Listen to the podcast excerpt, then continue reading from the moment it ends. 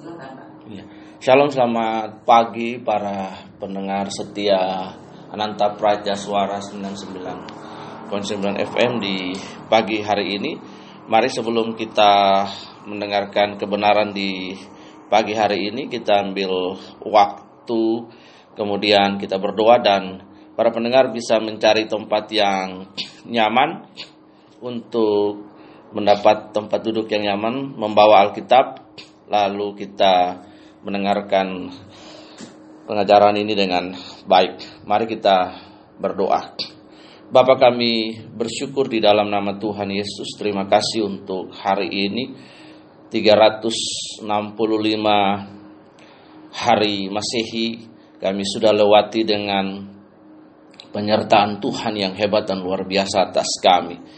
Di tahun ini Tuhan kami melewati hari-hari peristiwa-peristiwa iman dan peristiwa-peristiwa hidup yang kami hadapi, kami mempercayai firman Tuhan yang berkata dalam Mazmur 121 ayat 1 dan 2 yang berkata bahwa dari manakah datangnya pertolongan kami, bahwa pertolongan kami datang daripada Tuhan yang telah menjadikan langit dan bumi ini. Kami percaya Tuhan pertolongan yang sama bring us across 2020 with God. Kami mempercayai Tuhan bahwa pernyataan yang sama membawa kami untuk menyeberang di tahun yang baru 2020 dengan Tuhan.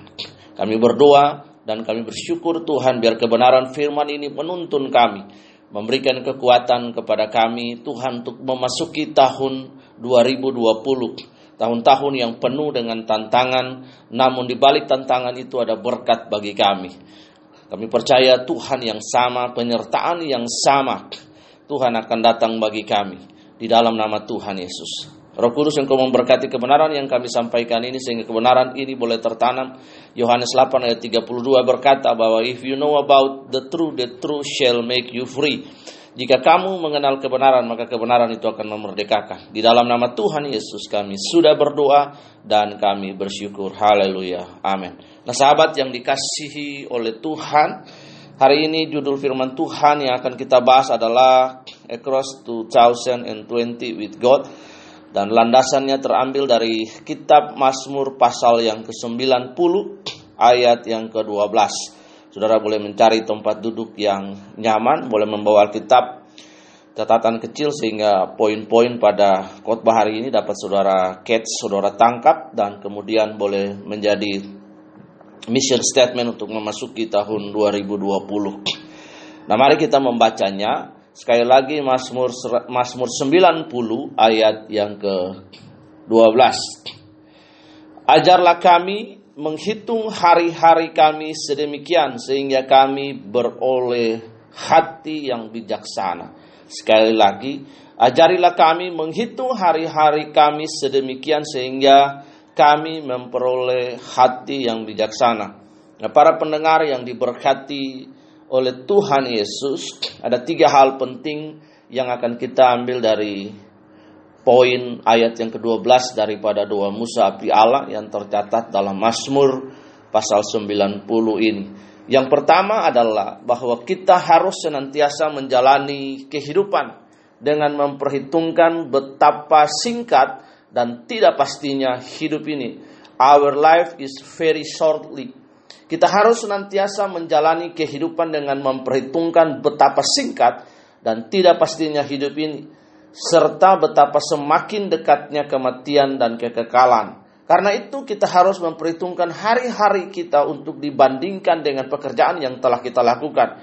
Memperhatikannya dengan ketekunan yang ditingkatkan seperti orang tidak punya waktu lagi untuk bermalas-malasan. Sahabat, poin yang pertama adalah kita harus senantiasa memperhitungkan dengan menjalani kehidupan dengan memperhitungkan betapa singkat dan tidak pastinya hidup ini. Pada ayat ini pemazmur doa Musa berkata bahwa Tuhan teach us, O Lord, how to account accounting our daily life. Ajarlah kami untuk menghitung hari-hari hidup kami. Musa menyadari bahwa hidup ini sangat fana. Sahabat yang diberkati Bapak Ibu Saudara, Saudari pendengar setia Ananta Praja pada bagian yang lain dari Alkitab ada ayat yang berkata bahwa hidup manusia itu cuma 70 sampai 80 selebihnya itu adalah kasih karunia. Nah ini kita harus memperhatikan hidup ini bahwa our daily life is a very shortly. Karena itu kalau hidup kita sangat singkat, maka kita harus memperhitungkan, harus senantiasa menjalani kehidupan ini dengan memperhitungkan betapa singkatnya hidup ini.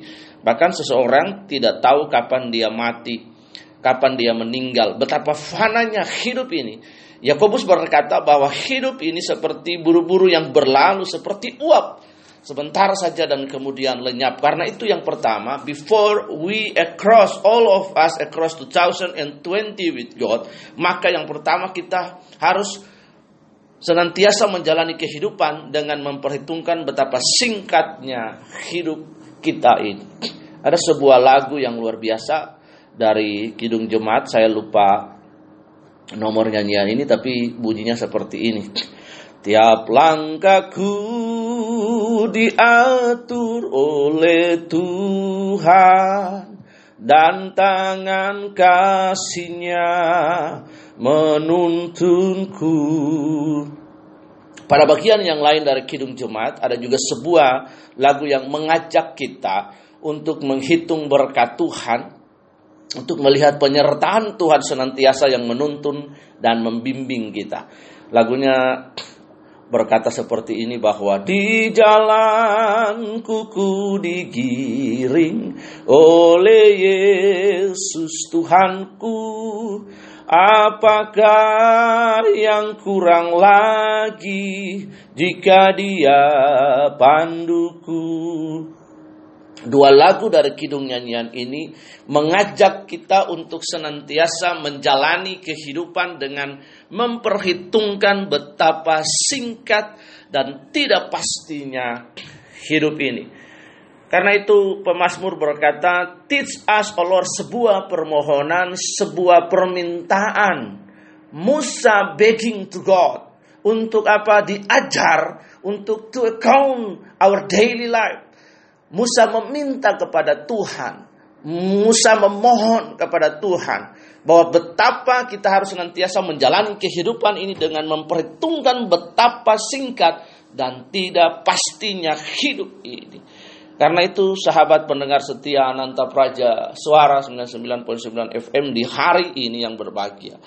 Yang pertama adalah bahwa kita harus senantiasa menjalani kehidupan dengan memperhitungkan betapa singkat dan tidak pastinya kehidupan ini. Teach us, O Lord.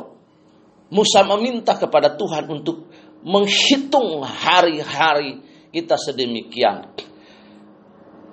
Besok hari pada jam 00 maka seluruh dunia akan memasuki kalender Masehi yang baru yang berjumlah 365 hari.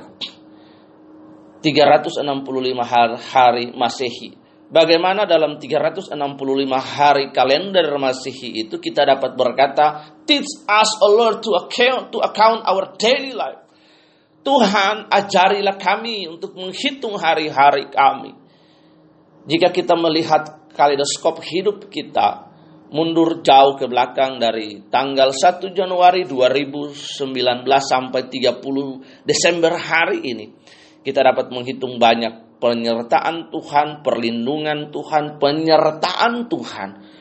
Bahkan Roma 8 ayat 28 berkata bahwa Tuhan Allah turut bekerja dalam segala hal untuk mendatangkan kebaikan bagi setiap Anda dan saya yang mengasihi dia.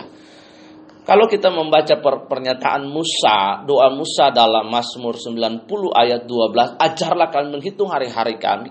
Dia teringat sebuah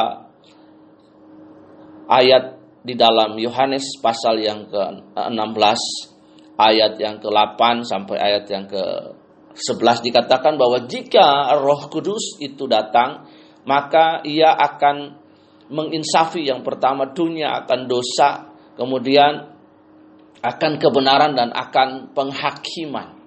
Nah, inilah doa Musa untuk menghitung hari-hari supaya kita ini sadar who am I is a very limited as a human, sangat terbatas secara manusia. Ketika Adam dan Hawa jatuh ke dalam dosa, maka sickness, sakit penyakit, weakness, kelemahan limited, keterbatasan itu menjadi milik manusia. Tuhan masuk dalam dimensi waktu manusia. Tuhan ada dalam dimensi waktu manusia, Tuhan ada juga di luar dimensi waktu manusia karena Allah tidak terikat oleh ruang, gerak, tembok dan waktu. Ajarlah kami untuk menghitung hari-hari hidup kami. Ada tiga jenis kata waktu yang ingin saya jelaskan pagi hari ini before we across 2020 with God. Biarlah firman Tuhan ini menjadi perenungan. Kata jenis waktu yang pertama adalah kata hora. Kata hora ini mendeskripsikan, menjelaskan, urut menjelaskan waktu itu sendiri. Waktu itu terdiri dari dari detik, dari menit, kemudian ada jam, lalu ada day, ada hari, ada week, ada month, kemudian ada year, kemudian ada centuries, ada abad. Itu adalah waktu, kata hora itu adalah menentukan, menggambarkan waktu itu sendiri. Nah ini yang harus kita perhatikan. Kemudian kata yang kedua adalah kata kronos. Kata kronos itu menjelaskan artinya urutan kejadian. Bapak Ibu sahabat yang diberkati pendengar setia Nanta Praja Suara 99.9 FM, kata kronos itu adalah urutan waktu dan kejadian. Kata kronos atau kronologi ini sering kali dilekatkan pada hal-hal yang negatif, pada hal-hal yang buruk yang sering terjadi menimpa kehidupan manusia. Kita ambil contoh ketika terjadi sebuah peristiwa pembunuhan, maka selalu ada kata kronologi urutan kejadian peristiwa atau hal-hal yang buruk yang terjadi. Kecelakaan, kematian, kebakaran, perampokan, dan hal-hal yang lain yang negatif terjadi. Perhatikan kata pertama yang saya jelaskan tadi adalah kata hora, artinya urutan kejadian ada ada hari, ada waktu, menit, jam, bulan, tahun, minggu, dan abad. Yang kedua adalah kata kronos. Kata kronos ini artinya adalah urutan kejadian peristiwa. Dan yang kata terakhir tentang waktu itu sendiri adalah kata kairos.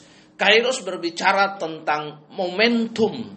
Momentum di mana kita berurusan dengan Allah. Berbicara tentang the God's time Nah, momentum ini akan saya jelaskan dengan tiga urutan kata di Alkitab ini. Yang pertama adalah selama kita hidup, artinya selama kita menjalani hari-hari hidup kita 365 hari pada besok hari pukul 00, 365 hari start dari 1 Desember, 1 Januari 2020, maka kita sementara menjalani yang namanya hora. Hora artinya urutan waktu kita menjalani menit kita, jam kita, detik kita, eh, hari kita, minggu kita, bulan kita, tahun dan abad. Nah, tidak ada seorang pun yang sampai kepada abad tapi tahun.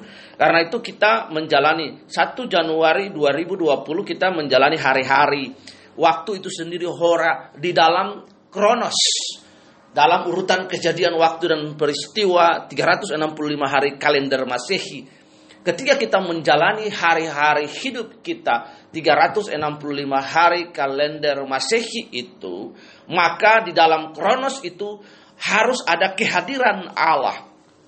Sehingga kehadiran Allah atau kairos Allah, kehadiran Allah dalam waktu kronos itu akan membawa kita untuk menangkap dan mengerti the God season, waktu-waktu di mana Allah melawat kita.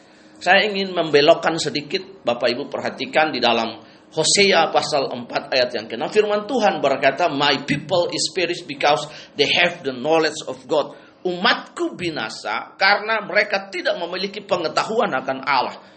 Karena itu, brother and sister in Christ, I want to teach for us in this day before we cross 2020 with God. The first point teach for us is adalah kita harus senantiasa menjalani kehidupan dengan memperhitungkan betapa singkat dan tidak pastinya hidup itu sendiri. Karena itu kita harus membuat hitung-hitungan untuk apa saya hidup. Bagaimana cara saya memasuki tahun 2020? Apakah dengan hura-hura atau dengan sebuah perubahan hidup? Ada statement point, ada pernyataan tujuan mission statement yang saya buat untuk tahun 2020. Bagaimana perjalanan hari-hari hidup saya dengan Tuhan? Apakah selama saya hidup ini saya sudah berbuat dengan pekerjaan, dengan pelayanan, dengan hidup saya untuk membawa kemuliaan bagi Tuhan? The, the, question for us. Itu adalah pertanyaan bagi kita dan setiap kita dapat menjawab pertanyaan itu. Ajarlah kami untuk menghitung hari-hari hidup kami. Saya menjalani hari-hari hidup saya 365 hari nanti di 2020. Hora menjalani detik, jam, menit, dan waktu. Di dalam urutan kejadian itu apakah ada Allah? Di dalam kronos itu apakah ada Allah? If there's no God in there, maka hal-hal yang negatif, hal-hal yang buruk itu terjadi tetapi percayalah bahwa jika Anda dan saya mengendalkan Tuhan, hidup di dalam Tuhan, to put God in our life, in our vision, in our mission, maka Roma 20 Roma 8 ayat 28 berkata bahwa Tuhan Allah turut bekerja dalam segala hal untuk mendatangkan kebaikan bagi setiap saudara dan saya. Nah, itu pentingnya kita memasuki 2020 bersama dengan Tuhan atau tanpa Tuhan with God atau without God? Ini menjadi pertanyaan yang statement yang penting bagi kita sahabat pendengar yang diberkati itu oleh Tuhan. We across 2020 with God or without God. Bersama dengan Tuhan atau tanpa Tuhan. Karena itu Musa berkata, ajarlah kami untuk menghitung hari-hari kami sedemikian. Sehingga hati kami sehingga kami memperoleh hati yang bijaksana. Poin yang kedua adalah orang-orang atau kita mampu untuk menghitungnya.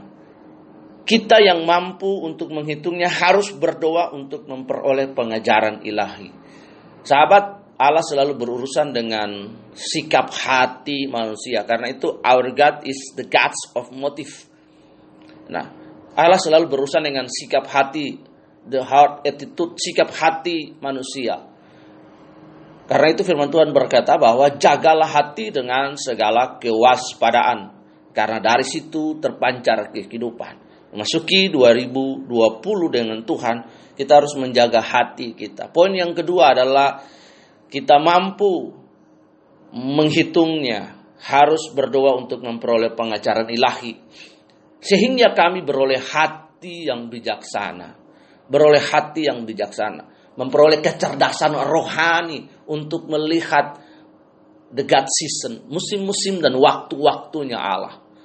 Dalam sejarah Natal, kehadiran putra Natal Kristus that come to the world to save humankind untuk menyelamatkan manusia hanya ada dua jenis golongan manusia yang mengerti yang mengerti waktu gimana Allah melawat mereka. Bahkan dalam Yohanes pasal yang pertama, Injil Yohanes pasal yang pertama ayat yang ke-11 12 dikatakan bahwa dia datang kepada milik kepunyaannya, tapi milik kepunyaannya they didn't know about him, about decision that God come to them.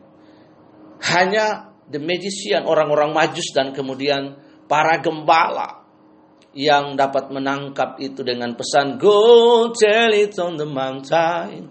Pergi dan beritakan dan kabarkan the good news that you watch this day that the angel send them to the, the, the people to proclaim to announcing. Nah, ini yang kita harus lihat jadi kita harus mampu menghitungnya. Kita yang mampu menghitung harus memperoleh pengajaran ilahi. Bahwa kita harus datang kepada Allah dan memohon kepadanya untuk mengajarkan kita melalui roh kudusnya. Memampukan kita untuk mengingat dan memberi pemahaman yang baik before we cross 2020 with God. Yang kedua adalah kita harus berdoa untuk memperoleh pengajaran ilahi. Tuhan tuntun saya, Tuhan saya menyerahkan hidup saya, Tuhan saya menyerahkan 365 hari kalender Masehi saya kepada kepada Tuhan. Jika kita tidak bergantung kepada Allah firman Tuhan berkata dalam Yeremia pasal yang ke-17 ayat yang kelima bahwa terkutuklah orang yang mengandalkan manusia, mengandalkan kekuatannya sendiri. Dia seperti semak bulus di padang gurun, tetapi diberkatilah orang yang mengandalkan Tuhan. Dengan siapa Anda memasuki 2020 itu menjadi berarti. Dengan siapa Anda memasuki 2020 itu menjadi sangat berarti sekali sahabat yang dikasih oleh Tuhan. Karena itu minta pertolongan Tuhan untuk menuntun dan mengajar dan mampukan kita.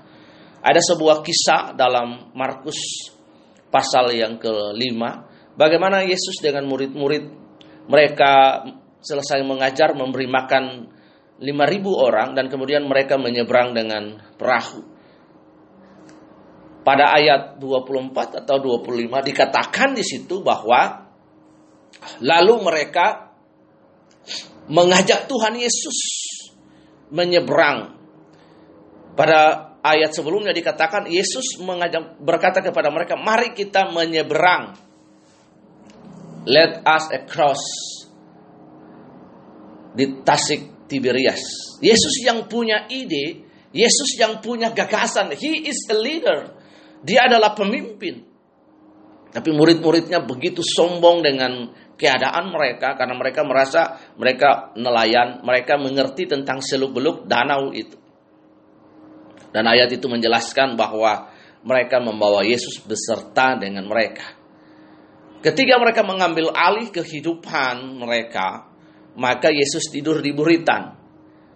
Yesus membiarkan mereka untuk sementara waktu mengandalkan kekuatan mereka, pengertian mereka, apa pun yang menjadi yang dapat mereka andalkan untuk menyeberang lewat danau itu. Mereka adalah jago-jagonya para nelayan yang jago memperhitungkan waktu dan cuaca, ombak dan lain segalanya. Tapi yang terjadi Yesus tidur di buritan. Dan suddenly datanglah angin badai dan menghajar mereka. Kemudian mereka berseru, Tuhan, Tuhan, tolong kami, tidak akan kau memperhatikan kami binasa. Kemudian Yesus bangun, dan berkata jangan takut dan dia berkata diam dan tenanglah maka laut itu menjadi tenang karena itu memasuki 2020 penting sekali untuk kita memohon kepadanya untuk mengajarkan kita melalui Roh Kudus memampukan kita untuk mengingat dan memberi kepada kita pemahaman yang baik untuk memasuki tahun 2020 dengan perlindungan Tuhan. Ketika kita memasuki tahun 2020 hal yang pertama yang kita takutkan manusia adalah kekhawatiran. Kekhawatiran dari kata Yunani koine artinya mirimnau. Mirimnau artinya membagi pikiran kita menjadi dua. Yang pertama mengurangi kekuatan kita hari ini dan yang kedua mengambil porsi hari depan yang menjadi milik Allah.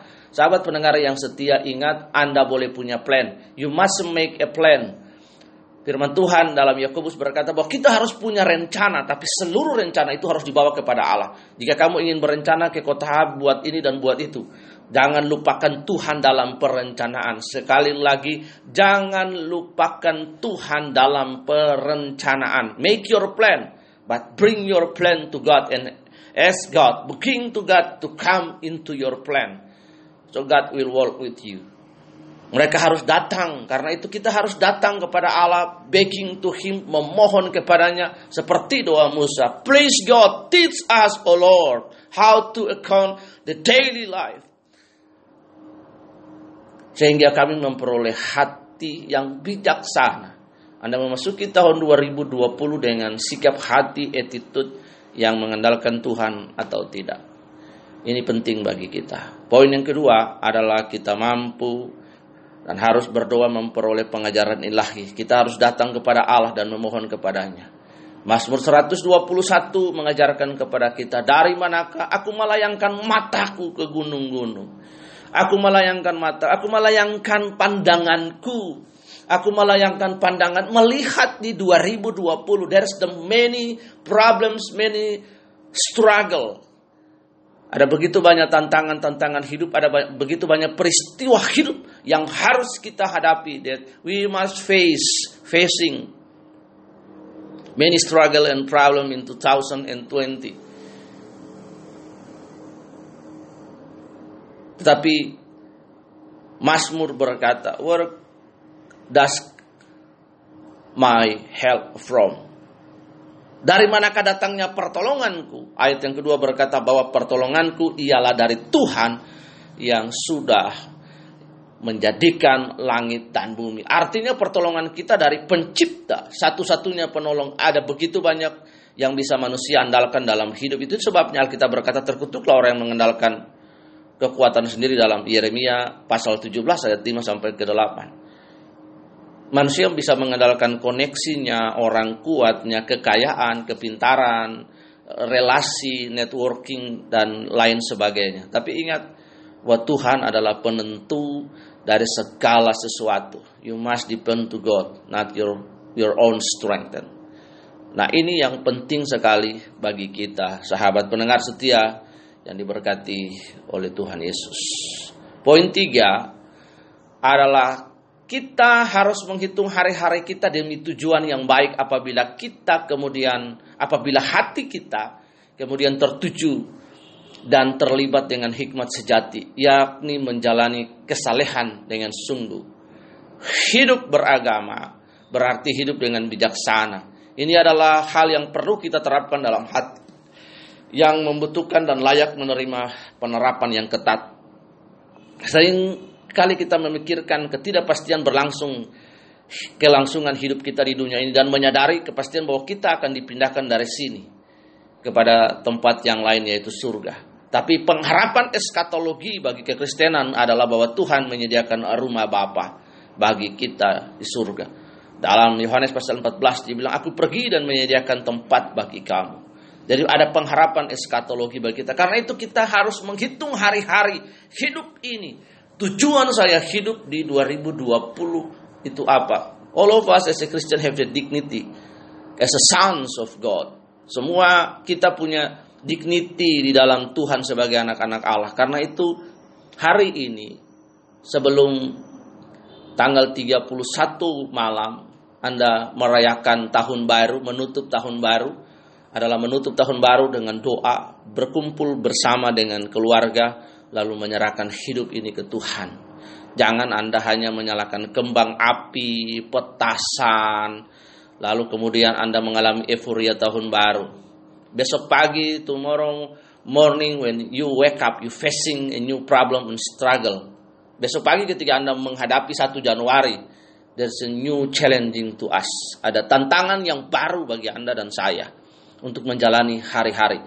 Tentu Anda mendasari tak memasuki tahun 2020 dengan cara yang berbeda. Jika Anda menginvite God, Anda depend to God, maka Anda akan mengalami pertolongan Tuhan dengan cara yang berbeda. Nah, itulah Tuhan yang mau buat bagi kita. Dia berkata bahwa Tuhan akan membuat perbedaan antara orang yang beribadah kepada Allah dan orang yang tidak beribadah. There is a different, ada perbedaan. Karena itu mari tiga poin ini biarlah menolong Anda dan saya to across 2020 with God. Jangan melupakan Tuhan. Yakobus berkata jangan melupakan Tuhan dalam perencanaan. Put God as a fierce in every area, every part of your life. Karena itu the first decision to us before we across 2020 with God adalah menempatkan Tuhan sebagai yang pertama dalam kehidupan ini. Bila ketiga poin ini menuntun kita dan menolong kita untuk memasuki 2020 bersama-sama dengan Tuhan. Sekali lagi saya mengucapkan selamat Natal bagi semua umat Kristen. Biarlah kasih karunia Natal itu menyertai dan menuntun kita untuk memasuki tahun 2020. Ada banyak tantangan, persoalan yang Anda hadapi. Tapi di balik itu ada berkat-berkat Tuhan yang luar biasa yang akan Anda nikmati. Tuhan Yesus memberkati dan selamat juga kepada MPUK yang hari ini merayakan Natal umat Kristen di Gereja Betani, Kabupaten yang akan dihadiri juga oleh Muspida tingkat 2 Kabupaten Jembrana. Tuhan memberkati seluruh persiapan panitia di hari ini sehingga Natal boleh berjalan dengan baik. Mari tunduk kepala dan kita berdoa. Bapak kami bersyukur di dalam nama Tuhan Yesus. Terima kasih untuk hari ini Tuhan. Kami berdoa dan bersyukur Yang pertama kami bersyukur bahwa kota kami penuh dengan kedamaian, kota kami diberkati, dijagai dan dilindungi oleh Tuhan 52 desa, 9 kelurahan dan 5 kecamatan. Kami menyerahkan Tuhan kepala-kepala desa, desa adat, menyerahkan perbekal, menyerahkan lurah, menyerahkan camat ke dalam tanganmu. Biarlah Tuhan mereka memimpin Tuhan Jembrana ini sehingga menjadi kabupaten yang Rahajeng Rahayu, kabupaten yang baik masyarakatnya menikmati kepemimpinan Tuhan sehingga ada kesejahteraan dan keadilan. Kami berdoa memberkati pemimpin kami, Tuhan Pak Bupati dan Wakil Bupati Pak Putu Arto dan kemudian Pak Made Kembang kami berdoa biar Tuhan berikan hikmat kepada mereka berkati rumah tangga keluarga mereka apa pun yang mereka kerjakan setiap keputusan-keputusan yang mereka buat bagi kota ini biarlah mendatangkan kesejahteraan bagi warga Jembrano kami berdoa memberkati DPRD Tuhan memberkati ibu pimpinan DPRD Tuhan memberkati bahkan Bapak Dangdim, Kapolres dan juga Kajati Tuhan memberkati Muspida tingkat tua Kabupaten Jemberana ini. Yang mereka memimpin bekerja sama bersinergi dengan baik untuk bumi Mekepung ini menjadi lebih baik. Kami percaya Tuhan dan bersyukur. Terima kasih atas leadership mereka dan kepemimpinan mereka selama 2019 kami dapat menikmati fasilitas dan hal-hal yang baik yang sudah mereka kerjakan bagi kabupaten ini Tuhan. Kami berdoa dan mengucap syukur untuk hari ini kami menyerahkan Tuhan, gereja-gereja Tuhan di Jembrana ini ke dalam tanganmu, biar mereka terus berjuang, berdoa untuk mengerjakan kesejahteraan Tuhan bagi juga kota lewat pembinaan-pembinaan mental dan spiritual dan menjaga prinsip bineka tunggal ika tan hana dharma mangrua di dalam nama Tuhan Yesus. Kami berdoa kami mengucap syukur dan kami Tuhan membawa Radio Nanta Praja ini ke dalam tanganmu. Engkau memberkati Tuhan seluruh penyiar yang ada. Kami berdoa Tuhan, Tuhan berikan kesehatan kepada setiap mereka, keberhasilan, kesuksesan kepada mereka, damai sejahtera kepada mereka yang sudah bertugas untuk menginformasikan pembangunan di Jembrana dan hal-hal yang baik yang menolong masyarakat dari segi pembangunan Tuhan. Mbak email dengan teman-teman yang lain. Tuhan menolong mereka, memberkati apa pun yang mereka kerjakan, rumah tangga, suami dan anak-anak, para pengurus radio. Tuhan memberkati mereka. Terima kasih di dalam nama Tuhan yang setiap hari pagi-pagi mereka sudah mulai menyiar dan memberitakan informasi-informasi sehingga masyarakat dapat mendengarkan berita pembangunan dengan baik dan benar Tuhan. Terima kasih. Kami menyerahkan Tuhan persiapan MPUK hari ini ke dalam tanganmu. Tuhan memberkati seluruh panitia yang akan latihan. Gladi resik Tuhan memberkati sampai puncak acara pada jam 6 nanti.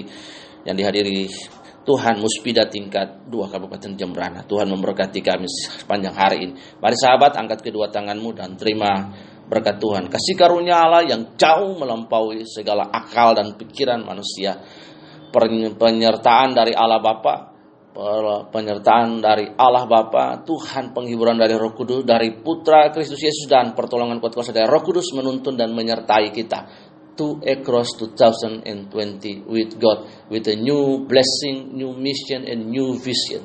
Di dalam nama Tuhan Yesus. Kami terima seluruh berkat ini hanya di dalam nama Tuhan Yesus karena engkau yang punya kerajaan dan kuasa dan kemuliaan kami sudah berdoa dan mengucap syukur. Haleluya. Sama-sama kita berkata amin. Tuhan Yesus memberkati. Shalom dan selamat pagi.